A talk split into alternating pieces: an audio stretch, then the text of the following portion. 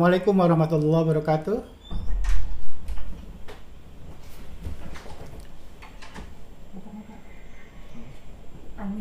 Ya.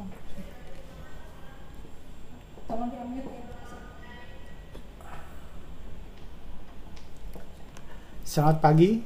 Assalamualaikum warahmatullahi wabarakatuh.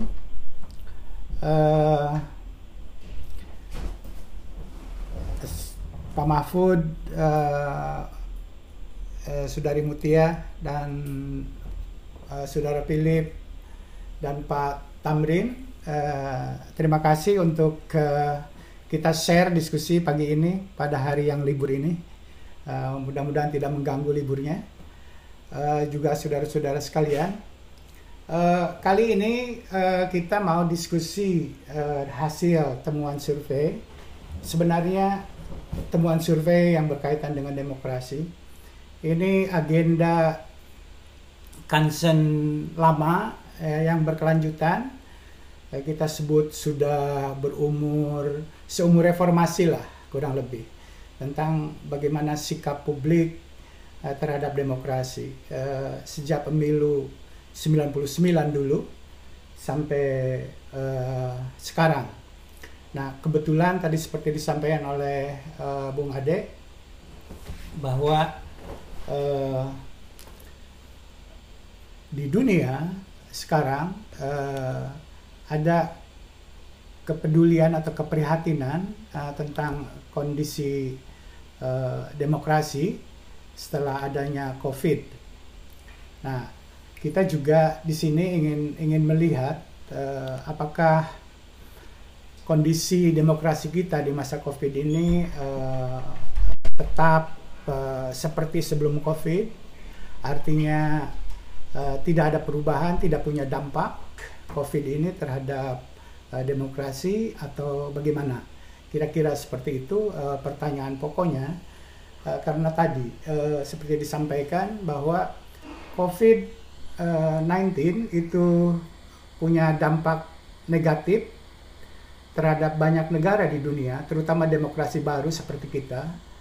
Eh, dicatat misalnya oleh FIDEM, FIDEM itu sebagai sebuah lembaga monitor perkembangan demokrasi di dunia, eh, di di belakangnya para akademisi di dunia, kira-kira begitu.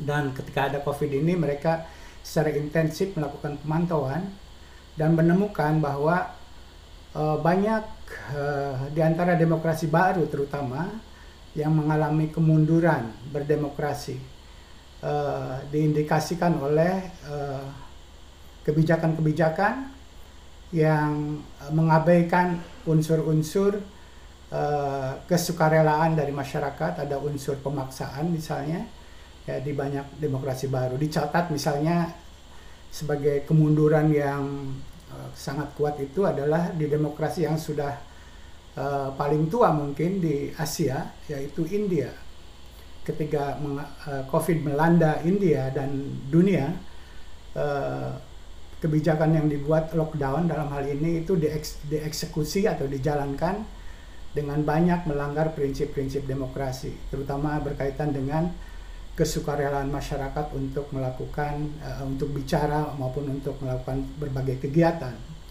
Yang yang buruk juga adalah tetangga kita eh, yang sudah lama juga berdemokrasi adalah di Filipina.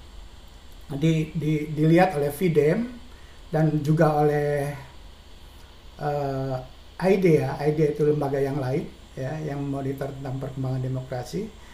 Eh, India dan Uh, Filipina adalah contoh uh, demokrasi yang mengalami kemunduran banyak akibat COVID ini. Uh, masuk ke dalam kategori dalam tanda kutip merah begitu gara-gara COVID mengalami kemunduran banyak.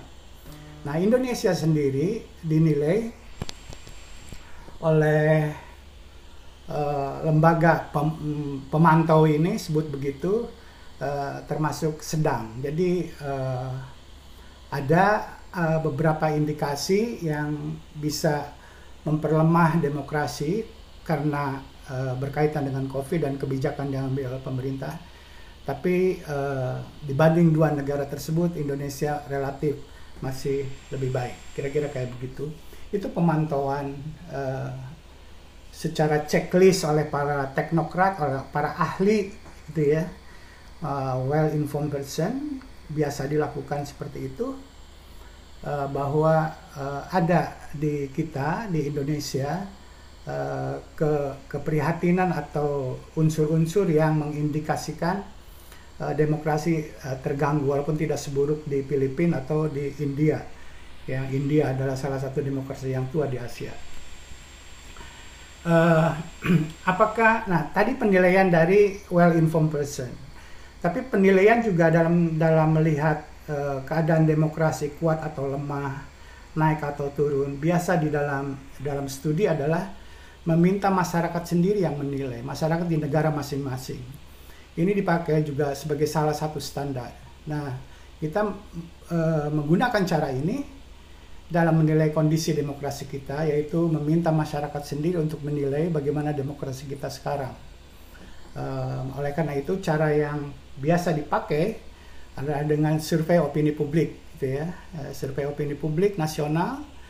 Dan kebetulan kita sebelum COVID ini punya rangkaian uh, survei dengan pertanyaan yang kurang lebih sama, sehingga bisa dibandingkan pertanyaan yang sama itu hasilnya sebelum dan sesudah COVID. Dari sana kita bisa melihat kecenderungannya seperti apa. Apakah COVID ini berhubungan dengan pelemahan atau penguatan atau stabilnya eh, demokrasi di Indonesia dilihat dari persepsi atau pandangan publik atau evaluasi publik terhadap keadaan demokrasi kita. Kira-kira seperti itu. Nah, maka kita melakukan survei opini publik. Uh, di masa COVID ini, sebagaimana diketahui, uh, kita tidak bisa melakukan survei face to face uh, seperti biasa uh, karena apa? Karena kondisi yang tidak mudah dilakukan di lapangan. Uh, kita juga sebisa mungkin melakukan uh, apa namanya prinsip-prinsip uh, social distancing. Oleh karena itu kita melakukan survei lewat telepon yang dari pengalaman kami itu sudah cukup uh, representatif secara nasional. Saya hanya akan menyinggung sedikit aspek metodologi ini. Nanti kalau ada yang mau tanya silahkan. Bahwa uh, sekitar 74% uh, pemilih kita itu uh, punya telepon secara nasional Nah, berarti ada sekitar 30-an eh, persen yang tidak bisa kita kontak karena tidak punya telepon. Jadi, kalau mau sederhana, uh, survei ini mencerminkan sekitar 70 persen penduduk Indonesia. Namun demikian, supaya uh, bias pada orang yang punya telepon saja itu terkurangi, maka kita lakukan semacam uh, pembobotan didasarkan pada demografi. Jadi ini bukan soal yang punya telepon dalam survei ini, tapi lebih mencerminkan pada karakteristik demografi dari pemilih kita. Misalnya dilihat dari uh, representasi dari daerah, representasi dari gender, representasi dari uh, agama, suku bangsa. Nah, itu kalau dilihat dengan pembobotan semacam itu, kita mendapatkan mendapatkan gambaran yang kurang lebih uh, sama atau mendekati uh, populasi, karakteristik populasi secara nasional uh, dari berbagai aspek demografi tersebut.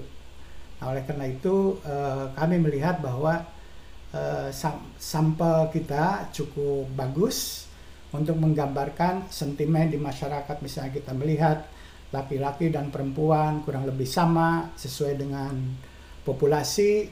Orang yang tinggal di perdesaan dan perkotaan dia kurang lebih sama uh, antara sampel dengan populasi. Uh, kelompok umur juga demikian. Setelah dilakukan pembobotan agama juga kurang lebih sama. Yang beragama Islam menurut populasi itu 87% menurut sensus ya. Dan di sampel sekitar 88% bedanya itu tidak signifikan secara statistik uh, orang yang uh, etnik atau suku bangsa Jawa uh, menurut populasi itu sekitar 40 persen di sampel kita juga sekitar 40 persen demikian dan seterusnya jadi uh, kita bicara di sini tentang uh, kita bicara uh, seberapa representatif sampel kita. Nah, dan cara seperti ini, survei lewat telepon kita sudah uh, lakukan sebelum pemilihan presiden 2019 itu yang pertama kali jadi semacam model kita dan kebetulan ada uh, musibah pandemi ini yang tidak memungkinkan kita turun ke lapangan. Pengalaman sebelum pilpres dulu uh, cukup bagus. Uh, hasilnya survei telepon dengan hasil pemilu kurang lebih sama, mendekati kurang lebih perbedaannya di bawah margin of error. Oleh karena itu eh, kita melihat ini cara eh, darurat yang masih eh, bagus eh, dilihat dari aspek metodologi. Nah, di dalam survei ini uh, kita bicara tentang uh, kondisi demokrasi kita, tapi uh, biasanya kondisi demokrasi ini juga ada kaitannya dengan berbagai aspek yang basic. Di sini mengenai penilaian masyarakat terhadap kondisi ekonomi, kondisi politik secara umum, uh, kondisi keamanan, kondisi uh, keamanan dan penegakan hukum, dan kemudian kepercayaan pada polisi Republik Indonesia secara umum, menjaga keamanan penegakan hukum. Ini wilayah hampir semuanya wilayah uh, Pak Mahfud lah yang mengkoordinasi dan uh, banyak beririsan dengan uh, tugas uh, Mutia ya di uh, DPR. Nah, kondisi ekonomi kita, uh, penilaian masyarakat terhadap kondisi ekonomi kita, uh, kita tahu uh, COVID ini menurut membuat uh, apa namanya penilaian masyarakat terhadap kondisi ekonomi keluarga itu sangat buruk. Kita lihat itu yang merah tidak tidak pernah terjadi sebelum COVID. Uh, ini adalah yang terburuk uh, sejak krisis 97 dulu uh, atau terburuk sejak kita mengalami reformasi. Jadi kondisi ekonomi sangat buruk sekali. Uh, kondisi ekonomi nasional kita lihat itu ekstrim sekali uh, penilaiannya sebelum COVID uh, yang hijau itu lebih banyak daripada yang merah. Tapi begitu masuk COVID ini uh, melonjak tajam sekali yang merah itu yang menandak, menandakan bahwa kondisi ekonomi nasional kita buruk menurut penilaian masyarakat 82 persen bayangkan kalau dilihat kalau kita persempit model menjelaskan kondisi demokrasi atau rezim uh, yang dianut demokrasi atau apa pun uh, kalau hanya bertumpu pada kondisi ekonomi mestinya demokrasi kita sudah runtuh. Karena uh, begitu negatif uh, kondisi ekonomi kita. Uh, 82% di survei terakhir yang mengatakan kondisi ekonomi lebih buruk kondisi ekonomi nasional kita lihat uh, aspek yang lainnya dan dan uh, mungkin uh, ada variasi yang sangat menarik di sini. Nah itu kondisi politik, kondisi politik yang mengatakan sangat atau baik, sangat baik atau baik itu sekitar uh, 39 persen, yang mengatakan buruk sekitar 21 persen. Jadi politik secara umum ya. Dan jadi kalau dari sisi ekonomi tadi buruk sekali itu ya Uh, tapi kalau dalam politik uh, uh, tidak begitu buruk walaupun yang mengatakan baik dan sangat baik itu di bawah 50% tapi tetap lebih tinggi daripada yang mengatakan buruk di survei terakhir. Trennya sebenarnya kita lihat uh, COVID ini berdampak negatif terhadap penilaian masyarakat terhadap kondisi politik awalnya, tapi sekarang udah pulih.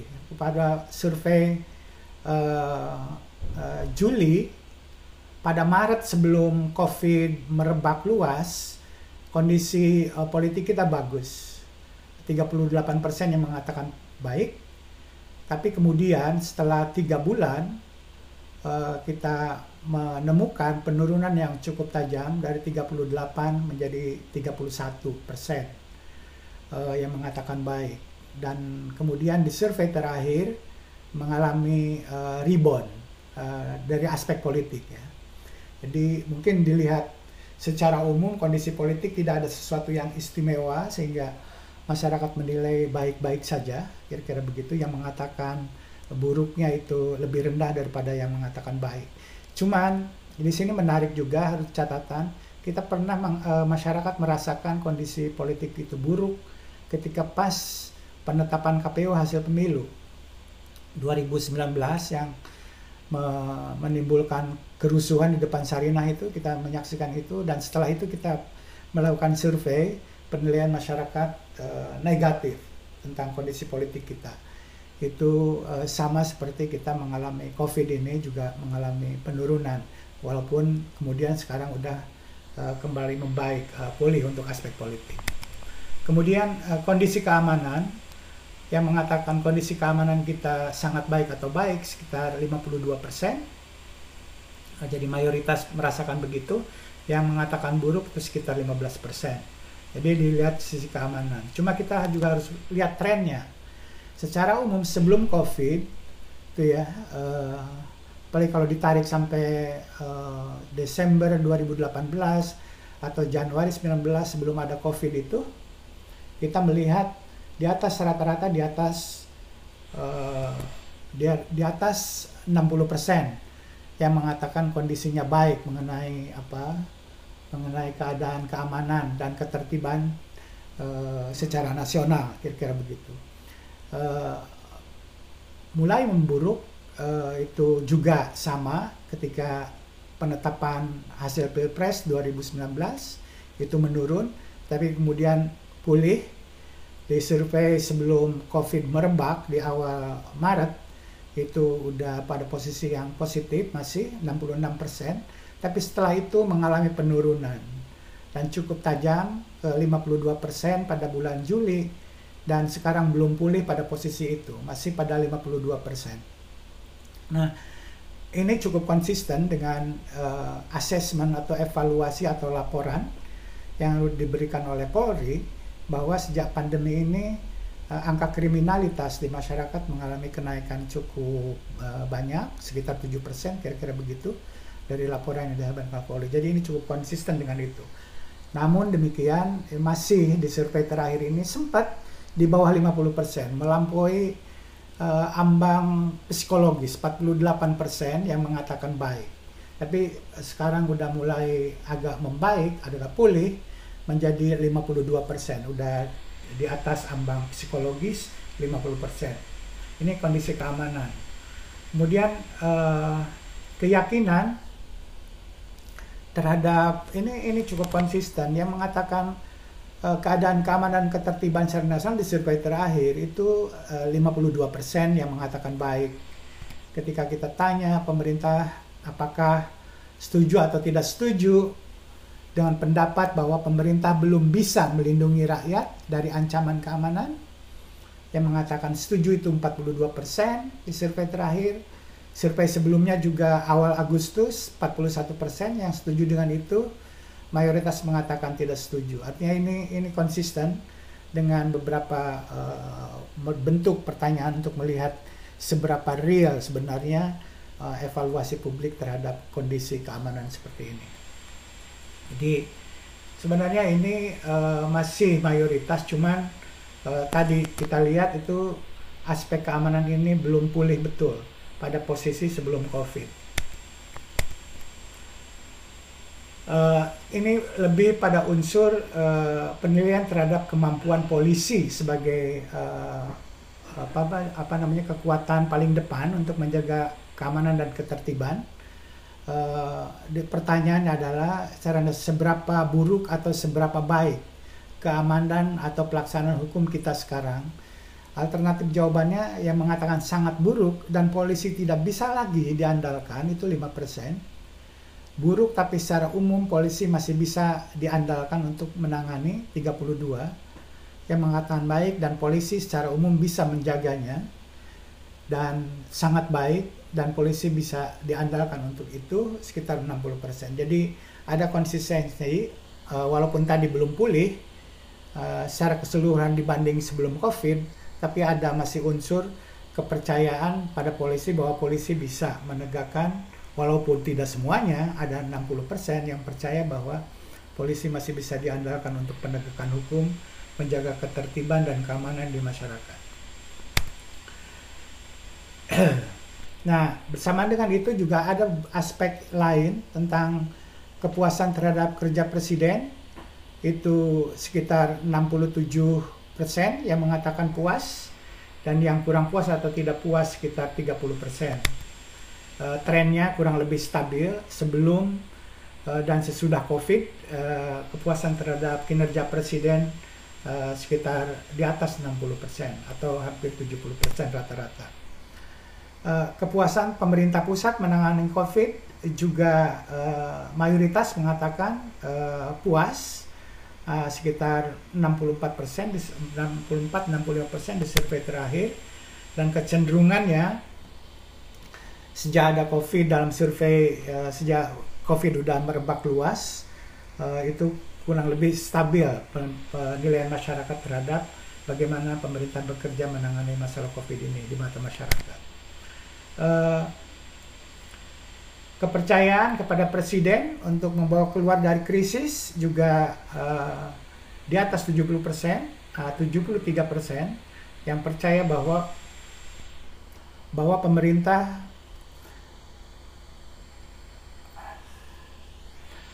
bahwa pemerintah uh, dalam ini presiden bisa memimpin keluar dari krisis ekonomi akibat dari COVID tersebut.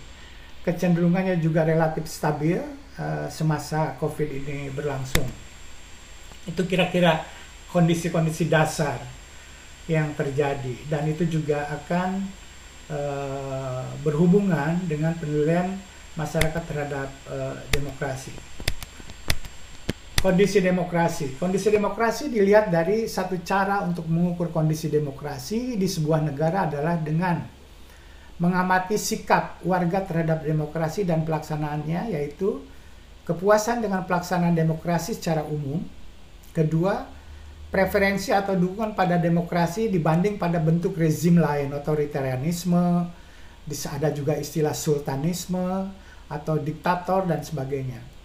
Kemudian penolakan pada pimpinan pemerintah yang kuat tanpa pemilu dan tanpa dikontrol oleh DPR, gitu ya.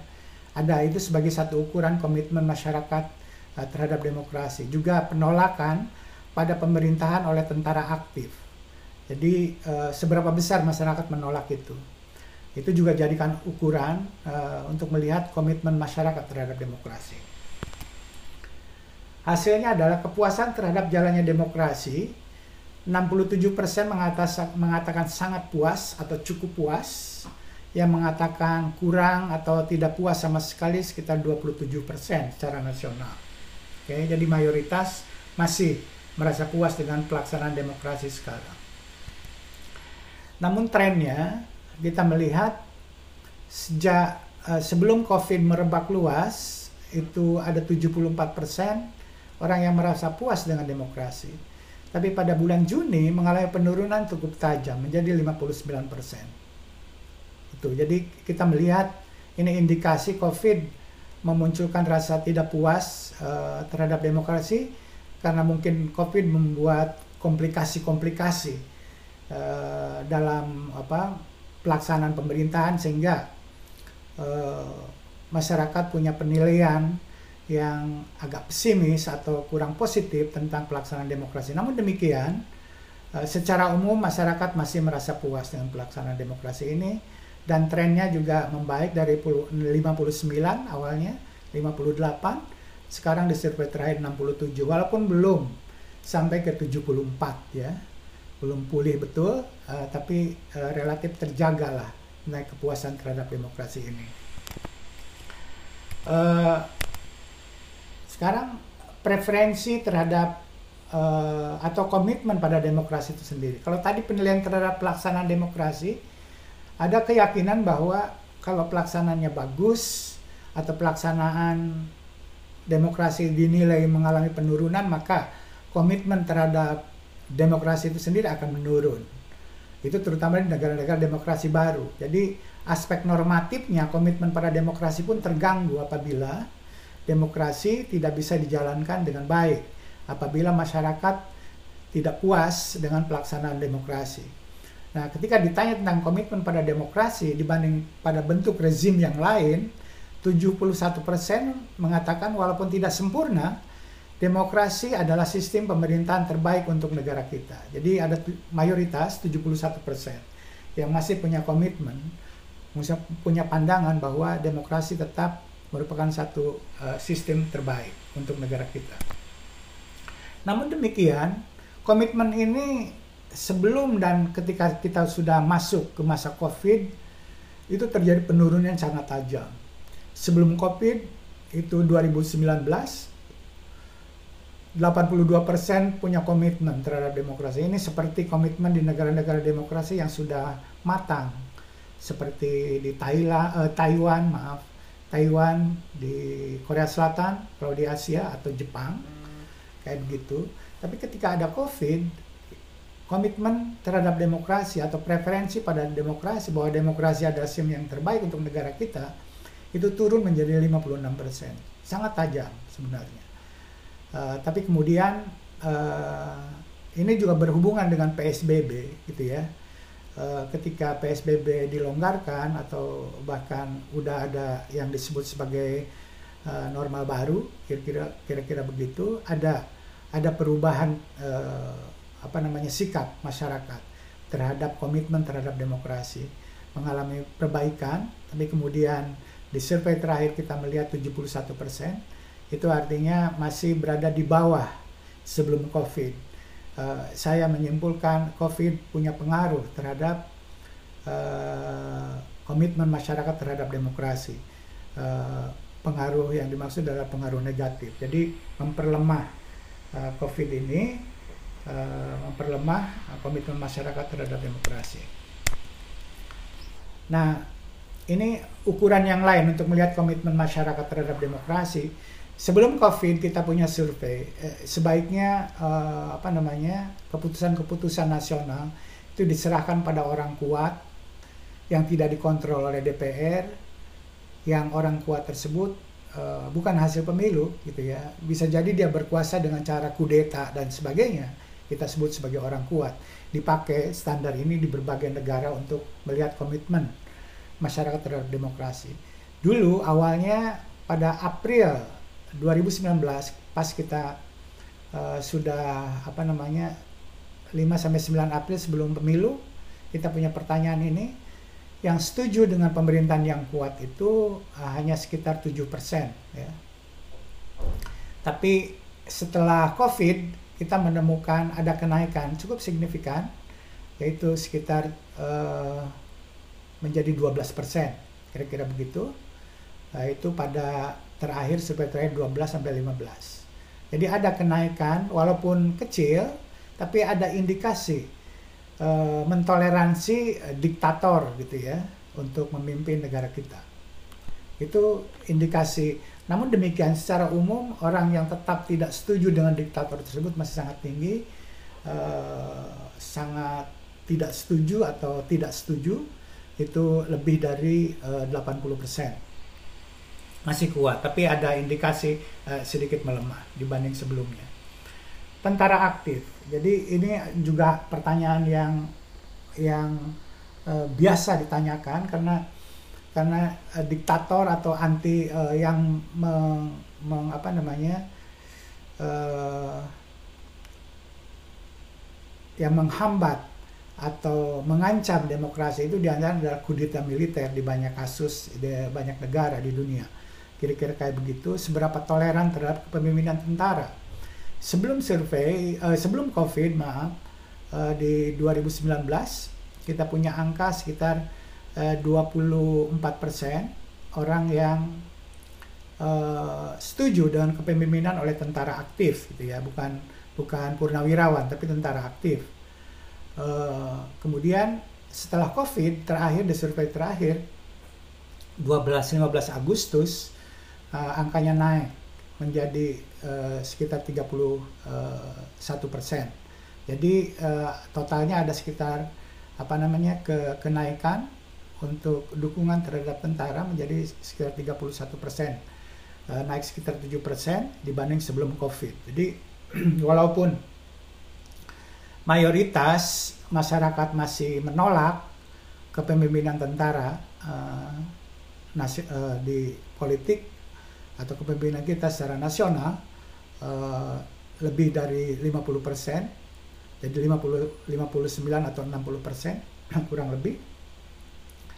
Tapi uh, ada gejala bahwa COVID ini menaikkan tingkat toleransi terhadap kepemimpinan tentara. Itu aspek-aspek bagaimana uh, penilaian terhadap pelaksanaan demokrasi kita sebelum dan sesudah COVID dan ada kecenderungan uh, penilaian masyarakat menurun ketika uh, terhadap pelaksanaan demokrasi ketika memasuki masa COVID.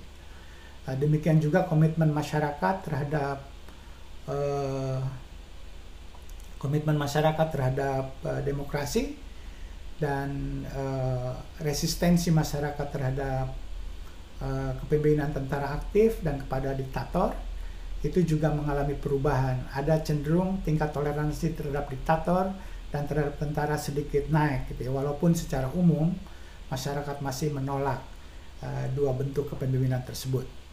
Nah, terkait dengan demokrasi juga adalah uh, tentang supremasi sipil. Supremasi sipil yang dimaksud adalah kepemimpinan nasional itu di bawah pemimpin sipil yang dipilih secara demokratis oleh rakyat. Jadi kekuatan angkatan bersenjata, pertahanan dan semuanya berada di bawah sipil.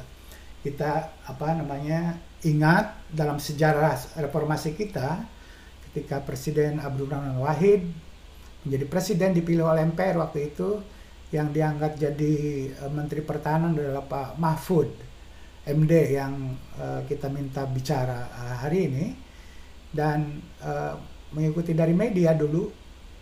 Saya pernah membaca di media kalau tidak salah Pak Mahfud. Pak Mahfud sendiri tidak percaya uh, diminta untuk jadi Menteri Pertahanan. Dikiranya menjadi Menteri Pertanahan gitu. Kira-kira kayak kayak gitu waktu itu. Nah itu uh, ternyata uh, Menteri Pertahanan bukan Pertanahan uh, yang menarik adalah ini Presiden Gus Dur betul-betul ingin menegakkan supremasi sipil ini. Salah satunya adalah di samping beliau sendiri sebagai presiden yang komando tertinggi terhadap angkatan e, bersenjata tapi juga menteri pertahanannya dari sipil sebagai salah satu simbol adanya supremasi sipil ini. Makanya saya memahaminya e, pengangkatan Pak Mahfud adalah wujud dari simbolisasi inginnya menegakkan supremasi sipil dalam politik kita uh, dalam konteks itu uh, kita punya beberapa pertanyaan berkaitan dengan uh, supremasi sipil ini. Reformasi 98 di antaranya adalah menjadikan Indonesia berada di bawah kepemimpinan sipil yang dipilih oleh rakyat, bukan tentara, bukan tentara aktif dalam hal ini. Apakah ibu setuju atau tidak setuju dengan isi reformasi tersebut, dengan visi reformasi tersebut ya?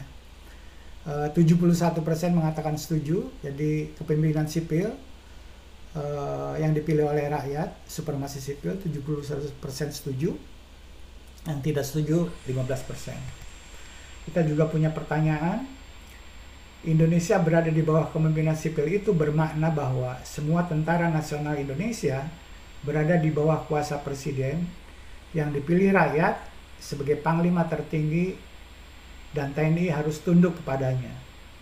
Apakah setuju atau tidak setuju dengan ini? 76% uh, setuju dengan uh, statement ke apa namanya uh, supremasi sipil tersebut. Jadi ini sangat tinggi. Kemudian kita juga punya pertanyaan ini lebih yang banyak masih diperdebatkan dan uh, kita melihat Eh, reformasi di TNI belum tuntas, uh, masih banyak terlibat dalam urusan-urusan yang tidak berkaitan dengan uh, pertahanan, menggunakan kekuatan bersenjata, uh, ancaman dari luar negeri terutama. Uh, satu amanat reformasi adalah bahwa dalam keadaan normal atau tidak perang atau dalam keadaan tidak ada kerusuhan besar yang tak bisa ditangani polisi, tentara tidak boleh terlibat langsung dengan penegakan keamanan atau ketertiban apa pun dalam masyarakat.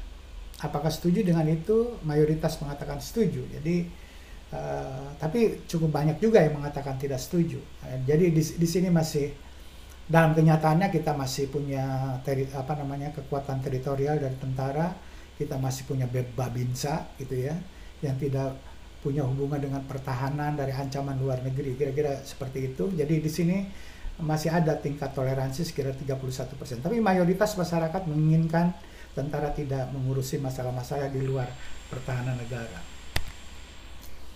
Di sini juga pertanyaan tentang salah satu amal reformasi adalah tentara aktif atau tentara nasional Indonesia sepenuhnya diabdikan untuk menjaga pertahanan uh, dan keamanan nasional Indonesia dari ancaman dari luar negeri atau kerusuhan dalam negeri berskala besar yang dinyatakan dalam keadaan darurat keamanan nasional oleh presiden. Jadi keterlibatannya di sana yang setuju 74%, tidak setuju 16%.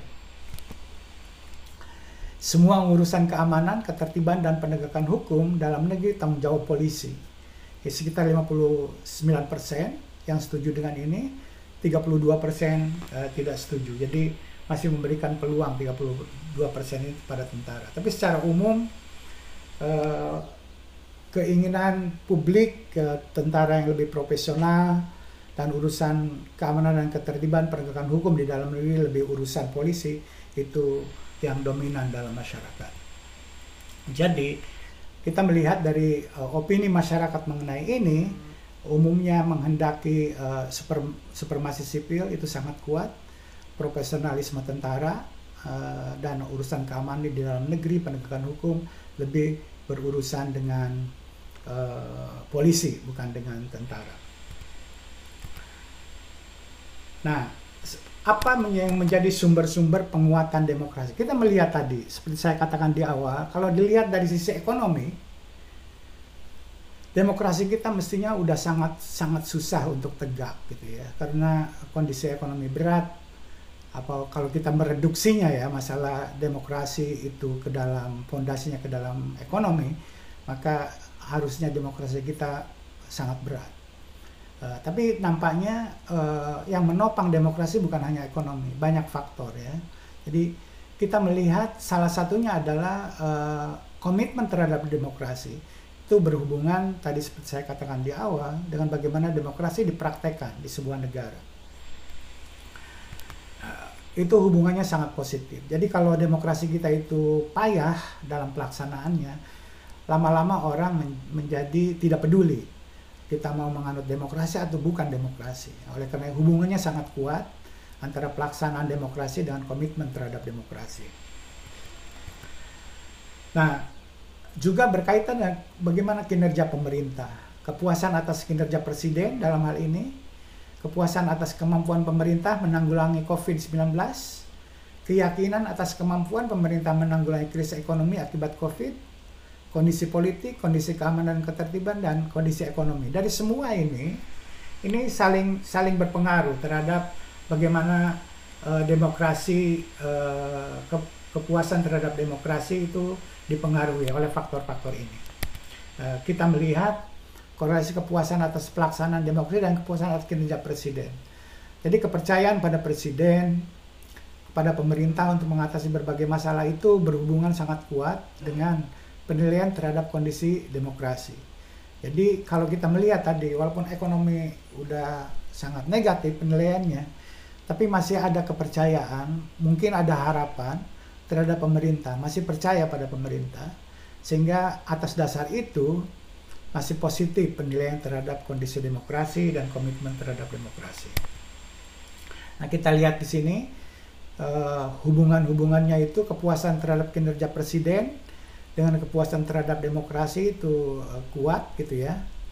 Uh, kita melihat jadi sumbangannya ini yang menopang demokrasi kita itu adalah ada banyak aspek uh, tidak hanya ekonomi. Sehingga kita uh, walaupun kepuasan itu mengalami penurunan karena covid tapi penurunannya itu tidak tidak sampai pada titik yang sangat rendah.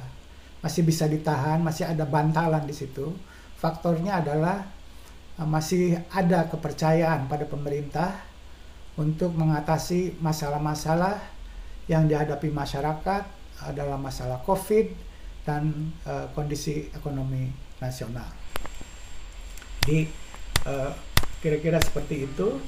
Jadi kesimpulannya cukup banyak negara di dunia seperti saya kemukakan tadi uh, di Indonesia uh, dan dan walaupun COVID ini berdampak sangat negatif, tapi belum ada uh, satu laporan bahwa betul-betul sebuah demokrasi itu menjadi berpindah ke bentuk pemerintahan lain, misalnya ada kudeta kudeta militer akibat dari COVID tersebut itu belum terjadi. Namun uh, secara umum ada variasi, uh, ada yang sudah pada posisi yang sangat bahaya, walaupun masih pada, pada posisi demokrasi dan negara kita dinilai uh, ada dampaknya tapi tidak tidak seburuk beberapa negara yang saya sebutkan tersebut. Uh, jadi publik umumnya puas dengan kinerja demokrasi, mendukung demokrasi, menolak diktator atau otoritarianisme setelah enam bulan mengalami pandemi uh, COVID-19. Tapi perasaan puas dan komitmen tersebut di masa COVID-19 mengalami penurunan berarti. Kita melihat di sini kepuasannya mengalami minus 7%, perbedaan ini signifikan. Nah, komitmen pada demokrasi minus 11%, dukungan pada diktator itu naik jadi 5%, dukungan pada diktator militer naik eh, 7%. Jadi uh, di situ ada perubahan walaupun secara umum demokrasi kita bisa dijaga, tapi bila tingkat kepercayaan pada pemerintah untuk mengatasi berbagai masalah terutama masalah mengenai COVID dan krisis ekonomi ini eh, apa namanya tidak berhasil atau eh, tidak sesuai dengan harapan masyarakat, tidak tertutup kemungkinan demokrasi kita, dukungan pada demokrasi oleh masa itu akan menjadi eh, turun lebih tajam lagi ke depan. Oleh karena itu faktor kinerja pemerintah menjadi sangat menentukan. Mungkin itu sebagai pengantar saya, uh, Bung Ade, nah, untuk diskusi kita pagi ini. Terima kasih.